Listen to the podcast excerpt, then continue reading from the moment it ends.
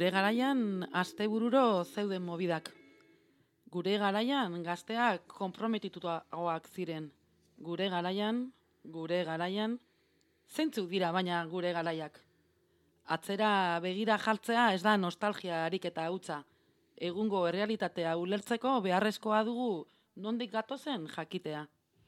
Eta historiaren kontakizuna liburuetan jasotakoa baino sakonagoa da.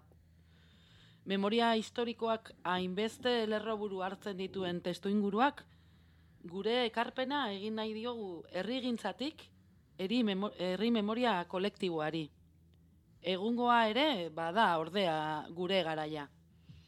Irratzaio honetan iragana eta egungo garaiak lotzeko saiakera egin nahi dugu. Haiek gure garaiak zirela eta hauek ere badirela aldarrikatzeko.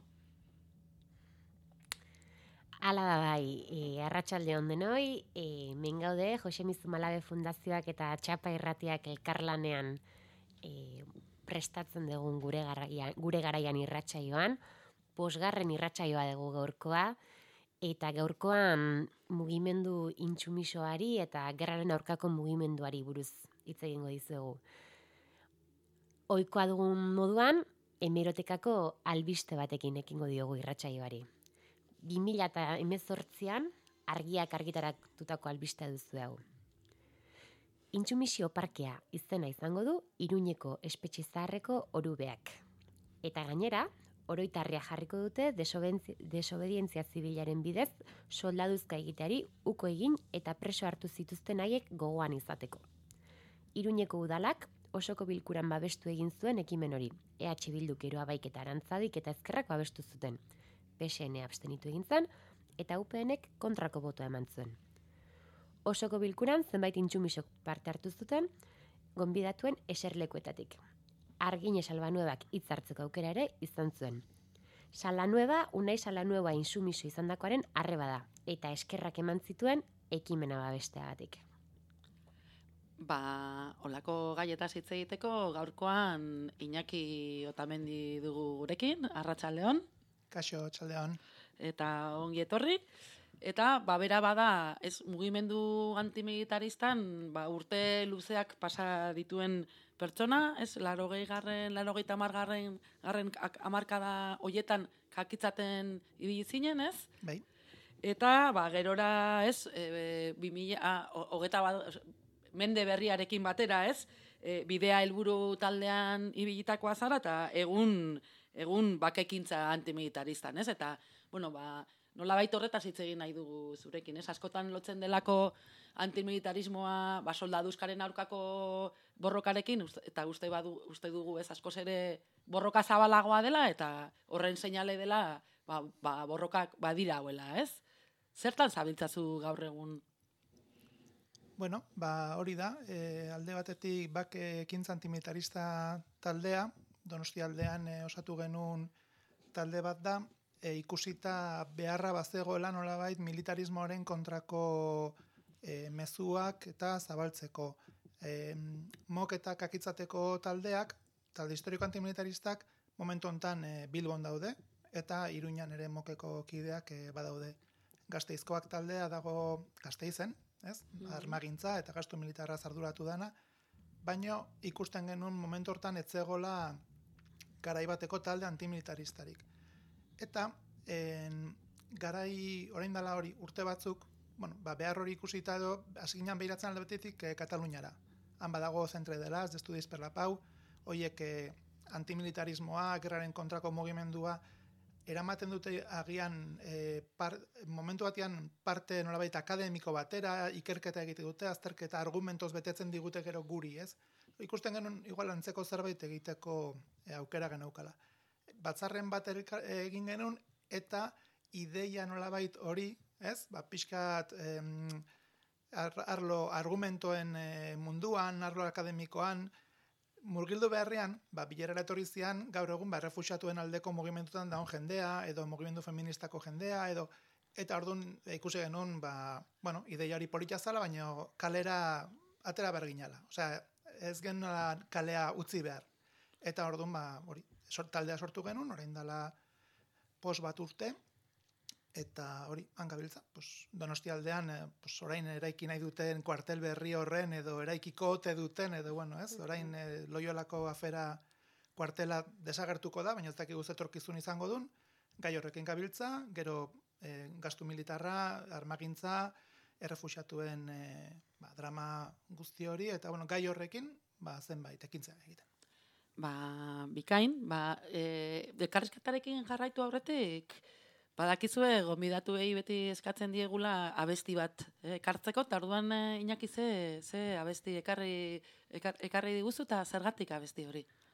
Bueno, nik eh, kantasko daude, ez, antimilitarismoarekin lotuak, intsumisioarekin, eta eta hola, e, ni igual hartu dut, e, bueno, gure garaioitan, ez, eta nik ustet e, antimilitarismoan e, bi korronte edo sort, e, elkartu ziala. Alde batetik, irurogeita margarren amarkadatik indarkeria ezaren bidetik eta e, ken mok ez, ba, mogimenduan eta objektuaren mogimendutik zetorren jendea, eta gero hainbat gazte elkartu ginen e, garbi geneukala ez, ez genula solda euskara jun nahi inolaz ere. Eta han nolabait bi Osa, nire ustez hori guk, ez, ba, kakitzaten inguruan taola, komponente gazte hori, besteak ere mokekoa gazteak zira, baina gutzako ja zarrak, ez? Gu baino, irurte gehiago, zarrak. Orduan nola baite, gu, ez, ba, institutotan, gaztetxetan, hainbat eh, ezkerreko mogimendutan, ez, eh, hango jendea ginen. Eta orduan belaunaldi bezala, inkorporatu ginen, otanen eh, erreferendumean ezin izan genuen bozkatu, ba, gehienak ez genuzkan emezortzi urte, eta orduan hasi ginen inkorporatzen, ez, e, institutotik, eta hola, eta orduan kanta hau, e, baldin badaren bizi nahi dut, uste oso generazionala izan ditekela, ez, eta horregatik, ba, e, hori, antiautoritarioa da, pixkat, olako drama bat e, agertzen du, ez, nera bezaro eta gaztarako olako rabia bat, baina baita ere alternatiba bat e, naukera, bueno, horregatik. Entzun dezagun. Bai.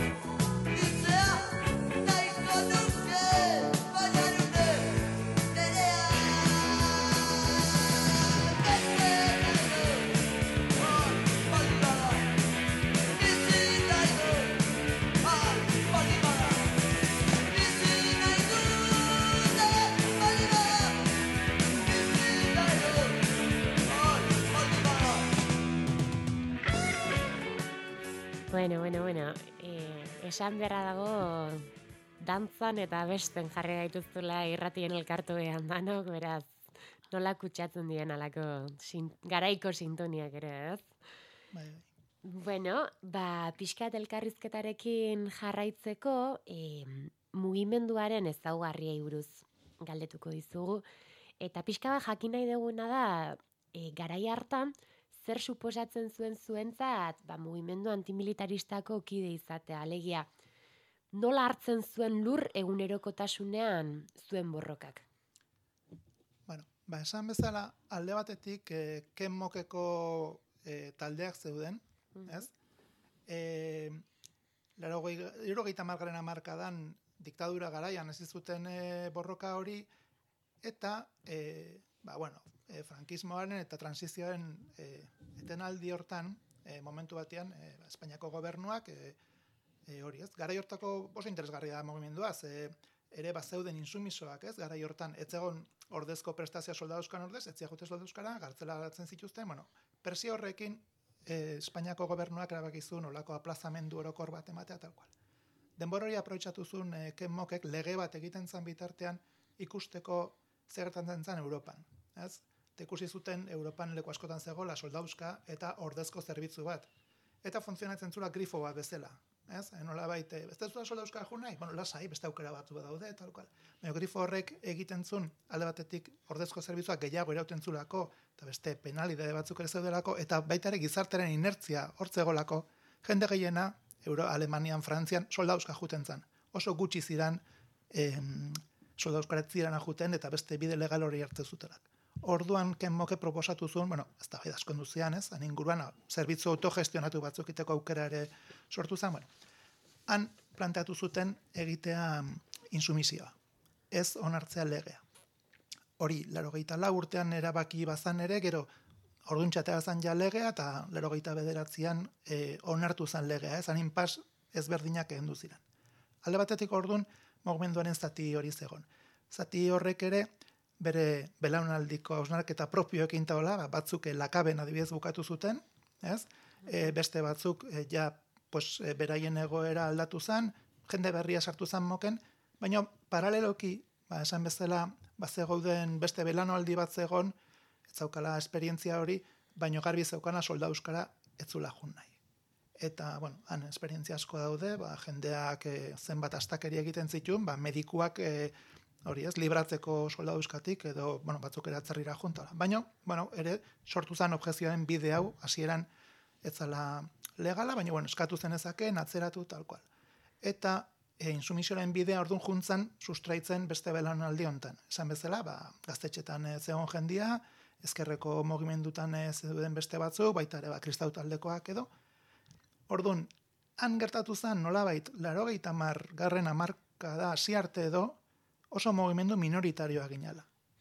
E, gutxiengo bat ginen, e, eta gainera gure postura ezker e, ba, nagusia zan ezkerretik gaizki ikusia zegon, ez? Ba, bueno, han planteatzen zalako nolabait, ba, Euskal Herriak ere ejerzito bat behartzula, orduan, ejerzitoen kontra orokorrean ginenak, militarismoa orokorrean salatzen genunak, ez geunden nolabait e, kontrajarriak ziren bi eredutaz e, izan, orduan nolabait, ez, ezkerrean nagusi izan e, korronte batetik, eta bertzelegoan nagusi izan korronte batetik kanpo, e, kanpo geunden. Beste alde ere, pues bueno, PNV edo beste alderdi batzuk, agian Euskal Kartasuna, agian bueno, Euskal Ezkerrak talde txoiek, eta batez ere ezkerreko ba, extraparlamentariak apoiatzen gintutzen. Baina, e, hori, minoria bat genian. Era berean minoria oso zorion txua ginen. Zazken finean, e, bueno, laukatu zean pues lau zeate, jo, ez da gutxi. ez? Eta gero baita ere, genuka sentzazio hori asmatzen egin jala. Osea, bidea, da, ba, a ber, arrazoia genuka nola bait, ez? Arrazoia taktikoki, arrazoia, jo, ba, gu inguruan nabaritzen genuen, e, ba, beste gazten e, ikuspuntutan soldauzuk euskarekiko, ez? Orduan e, nola bait, bueno, ba, gu gure bidea egiten hasi ginen, eta orduan sentzazio hori, ba, pixkanaka, mogimendu aurrera egin zuen bitartean, e, insumisioaren e, aliatuak eta insumisioaren nolabaiteko garrantzia handitzen juntzan. Orduan, han ja pasatu ginen, ba, beste fase batzutara. Mm? Bai, aipatu duzu ez, ez bazirela batzu, ba, nola baiteko aterabide individualak lortzen saiatzen zirena, ba, alako mailuen bitartez, ba, soldaduzkara joan beharrik ez edukitzeko, baina nolabait guzti hori politizatzea lortu zenuela eta mugimendu forma eman. Zakit, pixka bat e, urte batzuk pasa dira geroztik ez, eta jakin nahiko nuke hori nola lortzen zenuen, edo egun, egun normal batean, edo aste batean, zein izaten zen zuen jarduna? En instituto garaian eta, bueno, karteleria, ez? Eten gabeko karteleria bat urtean zehar adiez, baz, gaur egun absurdoak irutzen zaizkigun gauza da, baina zuzketa bat zegon, ez? Urtean zehar, bueno, aurrena taiatu egin behar gizona zinean, kumertzen udaletxera hasiera batean, orduan taiatu egin behar zintuzten, zenbat pixatzen dezu, zenbat neurtzen dezu, garai batean izango zen uniformea a medida egiteko. Bueno, orduan hori egiten zen, badibidez maiatzean, eta zaroan zozketak zeuden. Gero, adibidez, baztegon ere kainan, oraindik ere badago, Semana de las Fuerzas Armadas e, gero ere, ba, bueno, nola baita alde batetik ba genukan ez, ba, olako ito batzuk, ez? Eta gero, ba, e, objezio mogimenduan, insumisioa gero bihurtu zana ere, ba, bazeon jendea gartzelan zegona, e, orduan, gure e, dinamika, ez? Izaten zen, ba, olako fetxa inguruak ba, prestatzen, eta hola ez, epe luzeko ekintzatan, eta gero, ba, egunerokotasunean gertatzen zian hortan. Eta hori, pues, kartelak, pankartak, irratiak, fanzineak, bueno, olako, olakotan pasatzen gero. Bai, eta taberna zulotan ere. eta kontzertutan, ez? Hori da ere. Eta gaztetxetan, ze azken finean ere gure koordinadorak eh, han, elkartzen ginen. Han, eh, bueno, eh, Bilbo handian, ba, pixkanaka, eh, lerogei garrana markadarako, ja, bat zeuden behintzatu akitzateko eh, igual seiz azpitalde, eta mokekoak ere ba zeuden beste laupa bost, gero Iruña eta Nafarroan beste talde gutxi batzuk, baino Iruña inguruan eta Gasteizen ere, eta Gipuzkoan adibidez, ba, ja, herri ia guztietan sortu zen e, talde antimilitarista bat, ez? Horrek ere egiten gintun koordinadora bezala funtzionatzea, eta, bueno, ba, biltzea bi astean behin, herri zerri. Eta aparkatzeko eh, arazori gabe, gara jortan. Ez, ez, ez gaurkoan bezala, ez? Bai, bai, edo autobus hartu egoizean, ratxaldean bultatu, ez bueno, ba, mogitze ginean batetik bestera. Nik ez beti pentsatu duan gauza bada herri mugimenduek eman digutela Euskal Herria ezagutzeko eta beste eta beste herri batzuk e, e, ezagutzeko aukera, ez? Beste euskalki batzuk, beste jarrera batzuk ere, ez? E, bai, bai, gauza asko eta hori bai, hori ni nabarmenduko nuke bai. Bale, ba, orain ari garela ez, e, bizi izan dako oietaz, ba, badaukagu ba, galdera bat ez, beti botatzen duguna, bueno, beti egin ditugun bost e, e, irratsaioa hauetan dela. Beti, beti. Ez? e, zerbait gaizki atara alzan, zein, zein da, ez, borroka e, horretan izan dako sagar ustela edo sagar ustela usteletako bat, ez? Beste, gaur, ez, e, lehen esaten zenun atolo pasau, ez? Gaur eguneko beta aurrekoetatik, ez, aldatuko zenukena edo. Bai, han gure arrakasta izan zen ere gure galera nolabait. Soldaduzkaren inguruan zentratu zen e, borroka, ez? Eta ordun horregatik askotan hitz egiten intsumisoetaz, ez? Non e, guretzako mugimendu intsumisoa da, edo dinamika intsumisoa, mm. edo apuratzen bazate estrategia intsumiso bat. Non bai intsumisoak zeuden, pertsonak zeuden, eta gure gutzako ezinbestekoa da. Guk egiten genuen lanetako bat, adibidez hori, jendearekin banakaitze egin azken finean. Batzuk igual objektuare bihurtuko zian, beste batzuk e, intsumiso, beste batzuk e, erabakitzen zuten epeiketara jutea, baina beste batzuk e, ekintza batekin, osea, etengabeko norbanakoaren, bueno, bazego nolako e, aukera askatasun bat estrategia orokor baten barruan. Baina, e, bueno, gu koordinadora antimilitarista bat ginen, ez? Orduan, intsumisoak, intsumisioak ez, hartuzun indarra, eramantzun nola bait, e, guk naiz eta aurre ikusi, ez, soldauzka desagertuko zala, eta beste frente batzuk e, irekitzen saiatu ginen, gastu militarren inguruan, e, armagintza enpresaren inguruan, eta hola, e, gero soldauzka bukatu zenean, mogimenduaren indar guztia bukatu zen. Han adibidez, e, esperientzia batzuk, e, hasi ziran, ba, udaletxe insumisoekin, ez? Hemen antzuolakoa, lendabizikoa, e, ba, hori ez, e, on, emozio bat onartu zuna, gara hortan jarrairen emozio bat onartu zuna, eta gero beste hainbat udaletxe zeuden. lortu genuen e, dualetxe manko komunitate bat sortzea, dualetxe intsumisoena, baino berriro hori, alde batetik hori, soldaduzkaren inguruko dinamikara, ez, e, murgildu zen. Ez genean, ez genuen lortu, e, beste e, antimilitarismoaren beste esparru batzuk lantzea. Mogimendua ere, oso generazia nola bihurtu zen, oso maskulinoa bihurtu zen ere, eta ordun nola bait, horrek egintzun, e, soldaduzka bukatzeakoan, e, metatutako indar guztia ez genula aprobetsatzerik e, izan. Ez? Saiatu ginen, eh? ni egin genitula hainbat e, esperientzia sindikatuekin, beste e, eragile batzukin, baina bueno, ez, ez genuen lortu. E, gara hortan aprobetsatzea. Eta, bueno, igual momentu hortan galdu genitu hainbat aukera. Adibidez, armagintzaren inguruko e, borroka beste modu batea planteatzeko aukera ordun galdu zen, bai. Eta ustarik onena?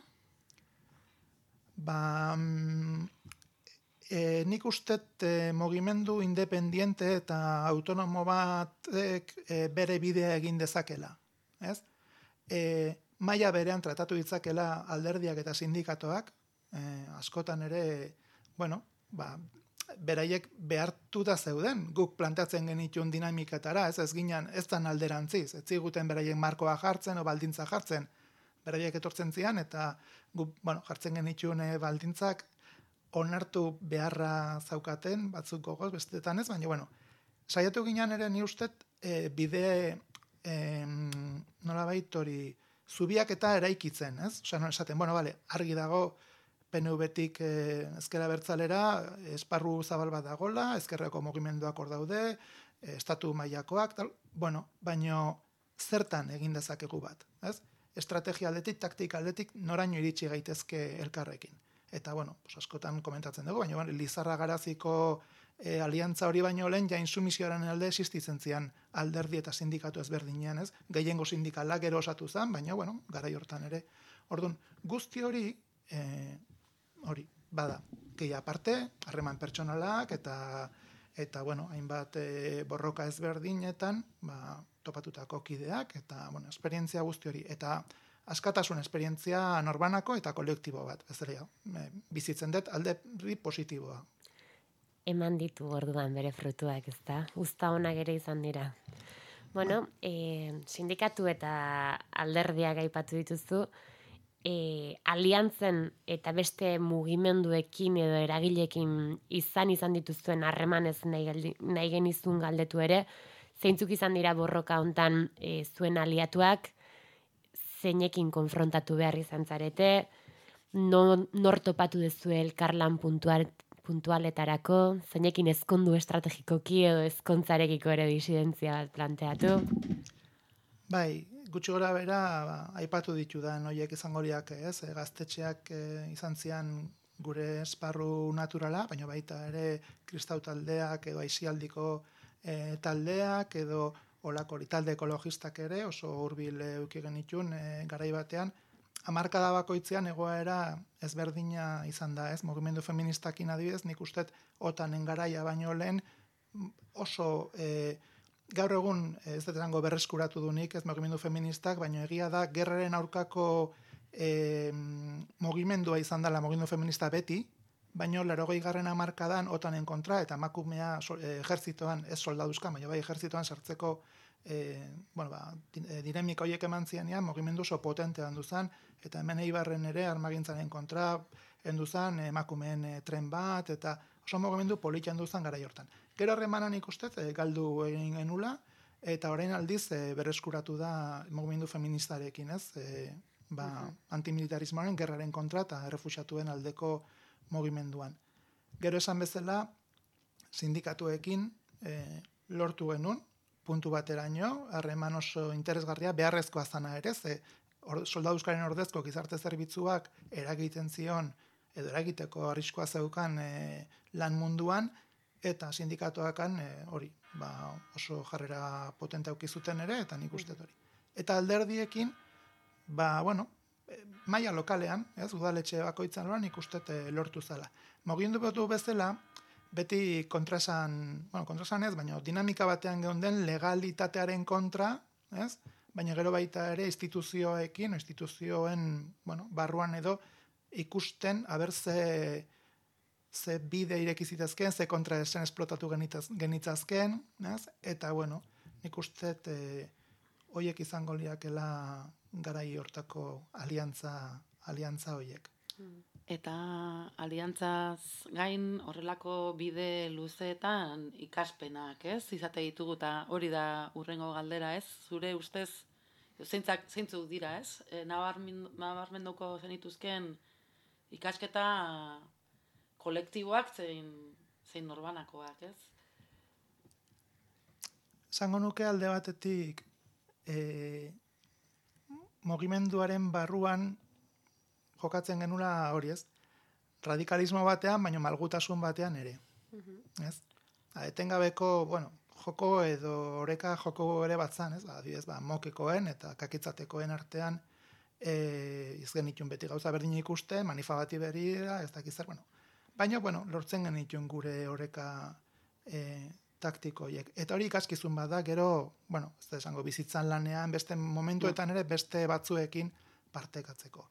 Impresioa daukat orain, em, talde bakar batean, ez dakizen bat ponentzia, kontraponentzia, eta ez dakizen bat ikuspuntu ezberdin, eta ez esango gara hortan justu kontrakoa, ez, goz ginean, hartaldearen parte sentitzen, baina iruditzen zait, bagan eukala olako em, norbanako eta kolektiboa uztartzeko igual asko pentsatu gabe ez, ez? Baina, bueno, pues, pues gaitasun bat, ez? Ba, mogimenduak abara baki du, ba, baina azko itiarrik ez dute ingo, bale, ba, oso ondo, ez tetzatela in, jazta, urrengoan elkartuko gea, e, ba, ez dakizer, ba, ados gaude kontra, bueno, oza, ba, geneukan olako danok ez dugu berdin egin behar, danok barku berdinean gaude, gozen saiatza ber, noraino iristen gan etengabe. Horrein impresioa daukat, debate gehiegi irekitzen dira aldi berean, e, kanpaina batzuk itxigabe ja beste batzuekin gabiltza, igual ez tegulako e, garaipen erresik edo eskura ez dugu ikusten orduneten gabe gabiltza kanpaina batetik bestera, ez dakit impresioriak bat, eta bueno, garai hortan igual linealagoa ikusten nun dena, igual impresio bada bakarrik, eh? barrutik oso barruan bizizan genuen e, impresio bat da. Baina bai, badago, badago lako zer. Ez, badago horri ideia bat interesatzen zaiguna ez, gehiagotan agertu delako dela nola ulertzen ditugun aliantzak eta aliantzak ez, ez duela, esan, ez duela e, e, e, izan behar lehen amaiak esaten zuen moduan, ez? Ez kontza bat, izan daitekela, ez? E, gau bateko dantzaldia edo, edo ordu erdikoa, ez? Gauza batzuk talako elkartzen garela eta, eta, bueno, eta horretan dagoela ere, ba, indarra, ez? Bai, eta elkarte bakoitza bai izan behar dula konplizidaderako, bai izan behar dula urrengoan urrutigo juteko. Mm Osea, ez eh, nola baitori puntuala edo ez detzaten utilitarioa, ez? Baina, bueno, nik ustet garai hortan igual harreman sareak, ez? Ba, e, hori, etzian bakarrik, bas, hala, firmatu, firmatu, firmatu, ez? E, ni uste bat zego lako, olako sare bat. Orain gertatu izan zaigu, eh? ba, orain kuartelaren kontrako e, kampaina hontan, hasiera batean e, donostian, ba, elkarte hogeita mar bat elkarte, sinatu oso ondo, gero, gaia e, epeltzen jundaz, orako infertidumbre batean, ez, ba, mm. gobernua, Espainiako gobernua, udaletxearen arteko harremanak epeltzen juntan, han oso zaila egin zaigu mantentzea gusaiatu gea, ez, sinadura bilketa bat, ez dakizer, eta saiatu gea mantentzen. Baino, beste talde batzuk ez zuten hola bizitzen, ez? Eta gero, bueno, bialtzen zen email bat, eta ez dakizu zenek irakurriko dizun. Hmm. Aldiz, ba, beste garai batean, erreferentziak e, guretzat behintzat, personalagoa zian, bazenekin herri bakoitzean zein ideitu, e, ez dakit, gauzak, e, erreferentzia horiek nik ustet bazeu dela. Orain igual, ba, hori ez. Emaila bialtzen duzu, mezua bialtzen duzu, ez dakizu zeinek ikusiko duen, ikusiko duenak beste esango tenian, hori gure garaian, Osea, era impensable. Osea, nola bati komunikatu gauzat eta ez taldeari esaten. A ver, orduan, bueno, nik uste, eh, ni oso, bueno, erakundekoa naiz. Ez? Osea, eh, iruitzen zait klasikoa izango naiz hortan, baina jo, aipatu bezala ez, insumisoak eta pertsona bakoitza soldauzkat junetzan, eta bere, bueno, pues, eh, ez bakarrik etorkizuna, baita momentuan, osea ez pentsa, ba, hasier batean gurasoak ez zuen oso pozik, intsumiso zinala esaten batzen, no, soldauska etzinala jungo, lan kontuan ere zailtasunak zeuden, soldauska egin auki bertzelako, e, lan postu bat eukitzeko. Ordun ez dut esaten, e, xamurra etzan insumiso bilakatzea, ez larogei, ez da larogei, tamargarren amarkadan ere, bakoitzaren zat, erabaki personal hori hor dago, baino erakunderi gabe, nire ustez, e, mogimenduak ez zuen ere hainbeste etorkizunik izango. Ze ez da bakarrik kontu kuantitatibo bat. Euskal Herrian eta izan mila insumitxo zan ginean, vale, oso ondo, baina kualitatiboki ere zertan aurreratu dugu. Az? Orduan, Ze molde eta ze forma hartzen ditu morrokak, Mhm. ez? bai, eta aldortatik ni, ba, klasiko goa naiz nola bait, eta erakunden e, garrantzia, posazpimarratzea e, gustatzen zait. Mhm. Bueno, pixka bat amaitzen joateko, bueno, gaurkoen e, mugimendu antimilitaristaz, gerraren aurkako mugimendu ez aritu gea, baina egia da bat izbat zentratu gehala irurogeita mar, larogei, larogeita mar garren amarkadatan, eta gaur egun ere baduela zentzurik, ez, e, gerraren aurkako mugimenduek, munduari erreparatzea nahikoa dugu. Eskatu nahi genizuna zan, pixkat e, gaurko irratsaioei bukaera ematen joateko, garai hartan e, erabiltzen zenuen eta gaur zenuten eta gaur egunerako baliagarri izan daiteken lema politikoren bat. Ba, batetik da, oso bat zeuden lema oso alai batzuk eta beti humorarekin joakatzu genuen asko. Baina bueno, bat zegoen bat ere, oso militarri gabe asko zobe. Kontua da asko zobe hortan, edo militarri gabe azteko, ez? Gaur egun militarrak ez dian politikari asko eta enpresari asko e, saltza hontan daude. Ze, kontua garai batean igual hori, ez? Ikusten genuen militarrak ikusten genuen kasta bat bezala edo beraiek agintzen zuten frankismotik atera berri ginen, beraiek inposatzen zuten, baina denbora aurrera junala zibil asko askoz militaristagoa dira, ez? Eta orain e, Ukrainiako gerrarekin ala ala e, frogatzen da. Ez gasto militarren handitzea, defensa kontzeptuen eta defensaren e, indartze hori, ez? Eta arma gehiago bialduko ditugu. Arma gehiago bialduko ditugu. Ora, nola baiteko hori, ez? Ordun e, beldurgarria da, nola baite gaur egun. Ordun ez da bakarrik militarri gabe asko zobe, militarismo hori gabe, ez? Horren kontra, ba, bueno, desmilitarizazio prozesuak martxan jartzeko beharra. Ba, orain Loiolako kuartelako hau adibidez guesteu esaten. Zendo militarrak Loiolati joango dira. A ber, Donostian ez badia gelditzen, oso ondo. Gipuzkoan ez badia gelditzen, hobeto. Euskal Herrian, baina netzako ere, Burgosen kuartel berri bat irikitzea, bueno, pues momentu hontan globalki militarizazio prozesuan beste, beste hori, ez da ezer aldatzen, ez? Berdina hori armagintza fabrikakin eta hola oso arriskutsua da gaur egun legitimatzeko e, joera dago. Azkenean armagintza, ba, industriaren beste parte bat bezala, ez? Gaina, ba, teknologia, innovazioa, bueno, orain bero bero dago, baino astakeriak egiten nahi dira Ukrainian eta ez teknologia berriekin Israelek ere gaur egun dauka marka bat em, e, gatazkan frogatutako teknologia. Osea, Ja, bai. beldurgarria da. Eta orduan orain etorriko zaizkigu danak, hau Ukrainian probatu genuen, ez da ondo atera, baina lasai, ja, asmatu dugu beste modu bat, eta talta. Osea, beldurgarria da. Orduan, horren kontrako lana, da orain e, egin behar duguna, eta ez da hain erresa. Baina, bueno, ba, bide hortan gaude. Ba, jarrai dezazuen. Eta, Militarri gabe asko zaude, bai, eta, bai, antimilitarismotiko ere. bai, eta mila esker etortzeagatik eta zure bizipenak, ikaspenak eta bestelakoak gurekin partekatzeagatik plazer bat izan da. Bai, zuei mila esker, aurrea. Eskerrik asko.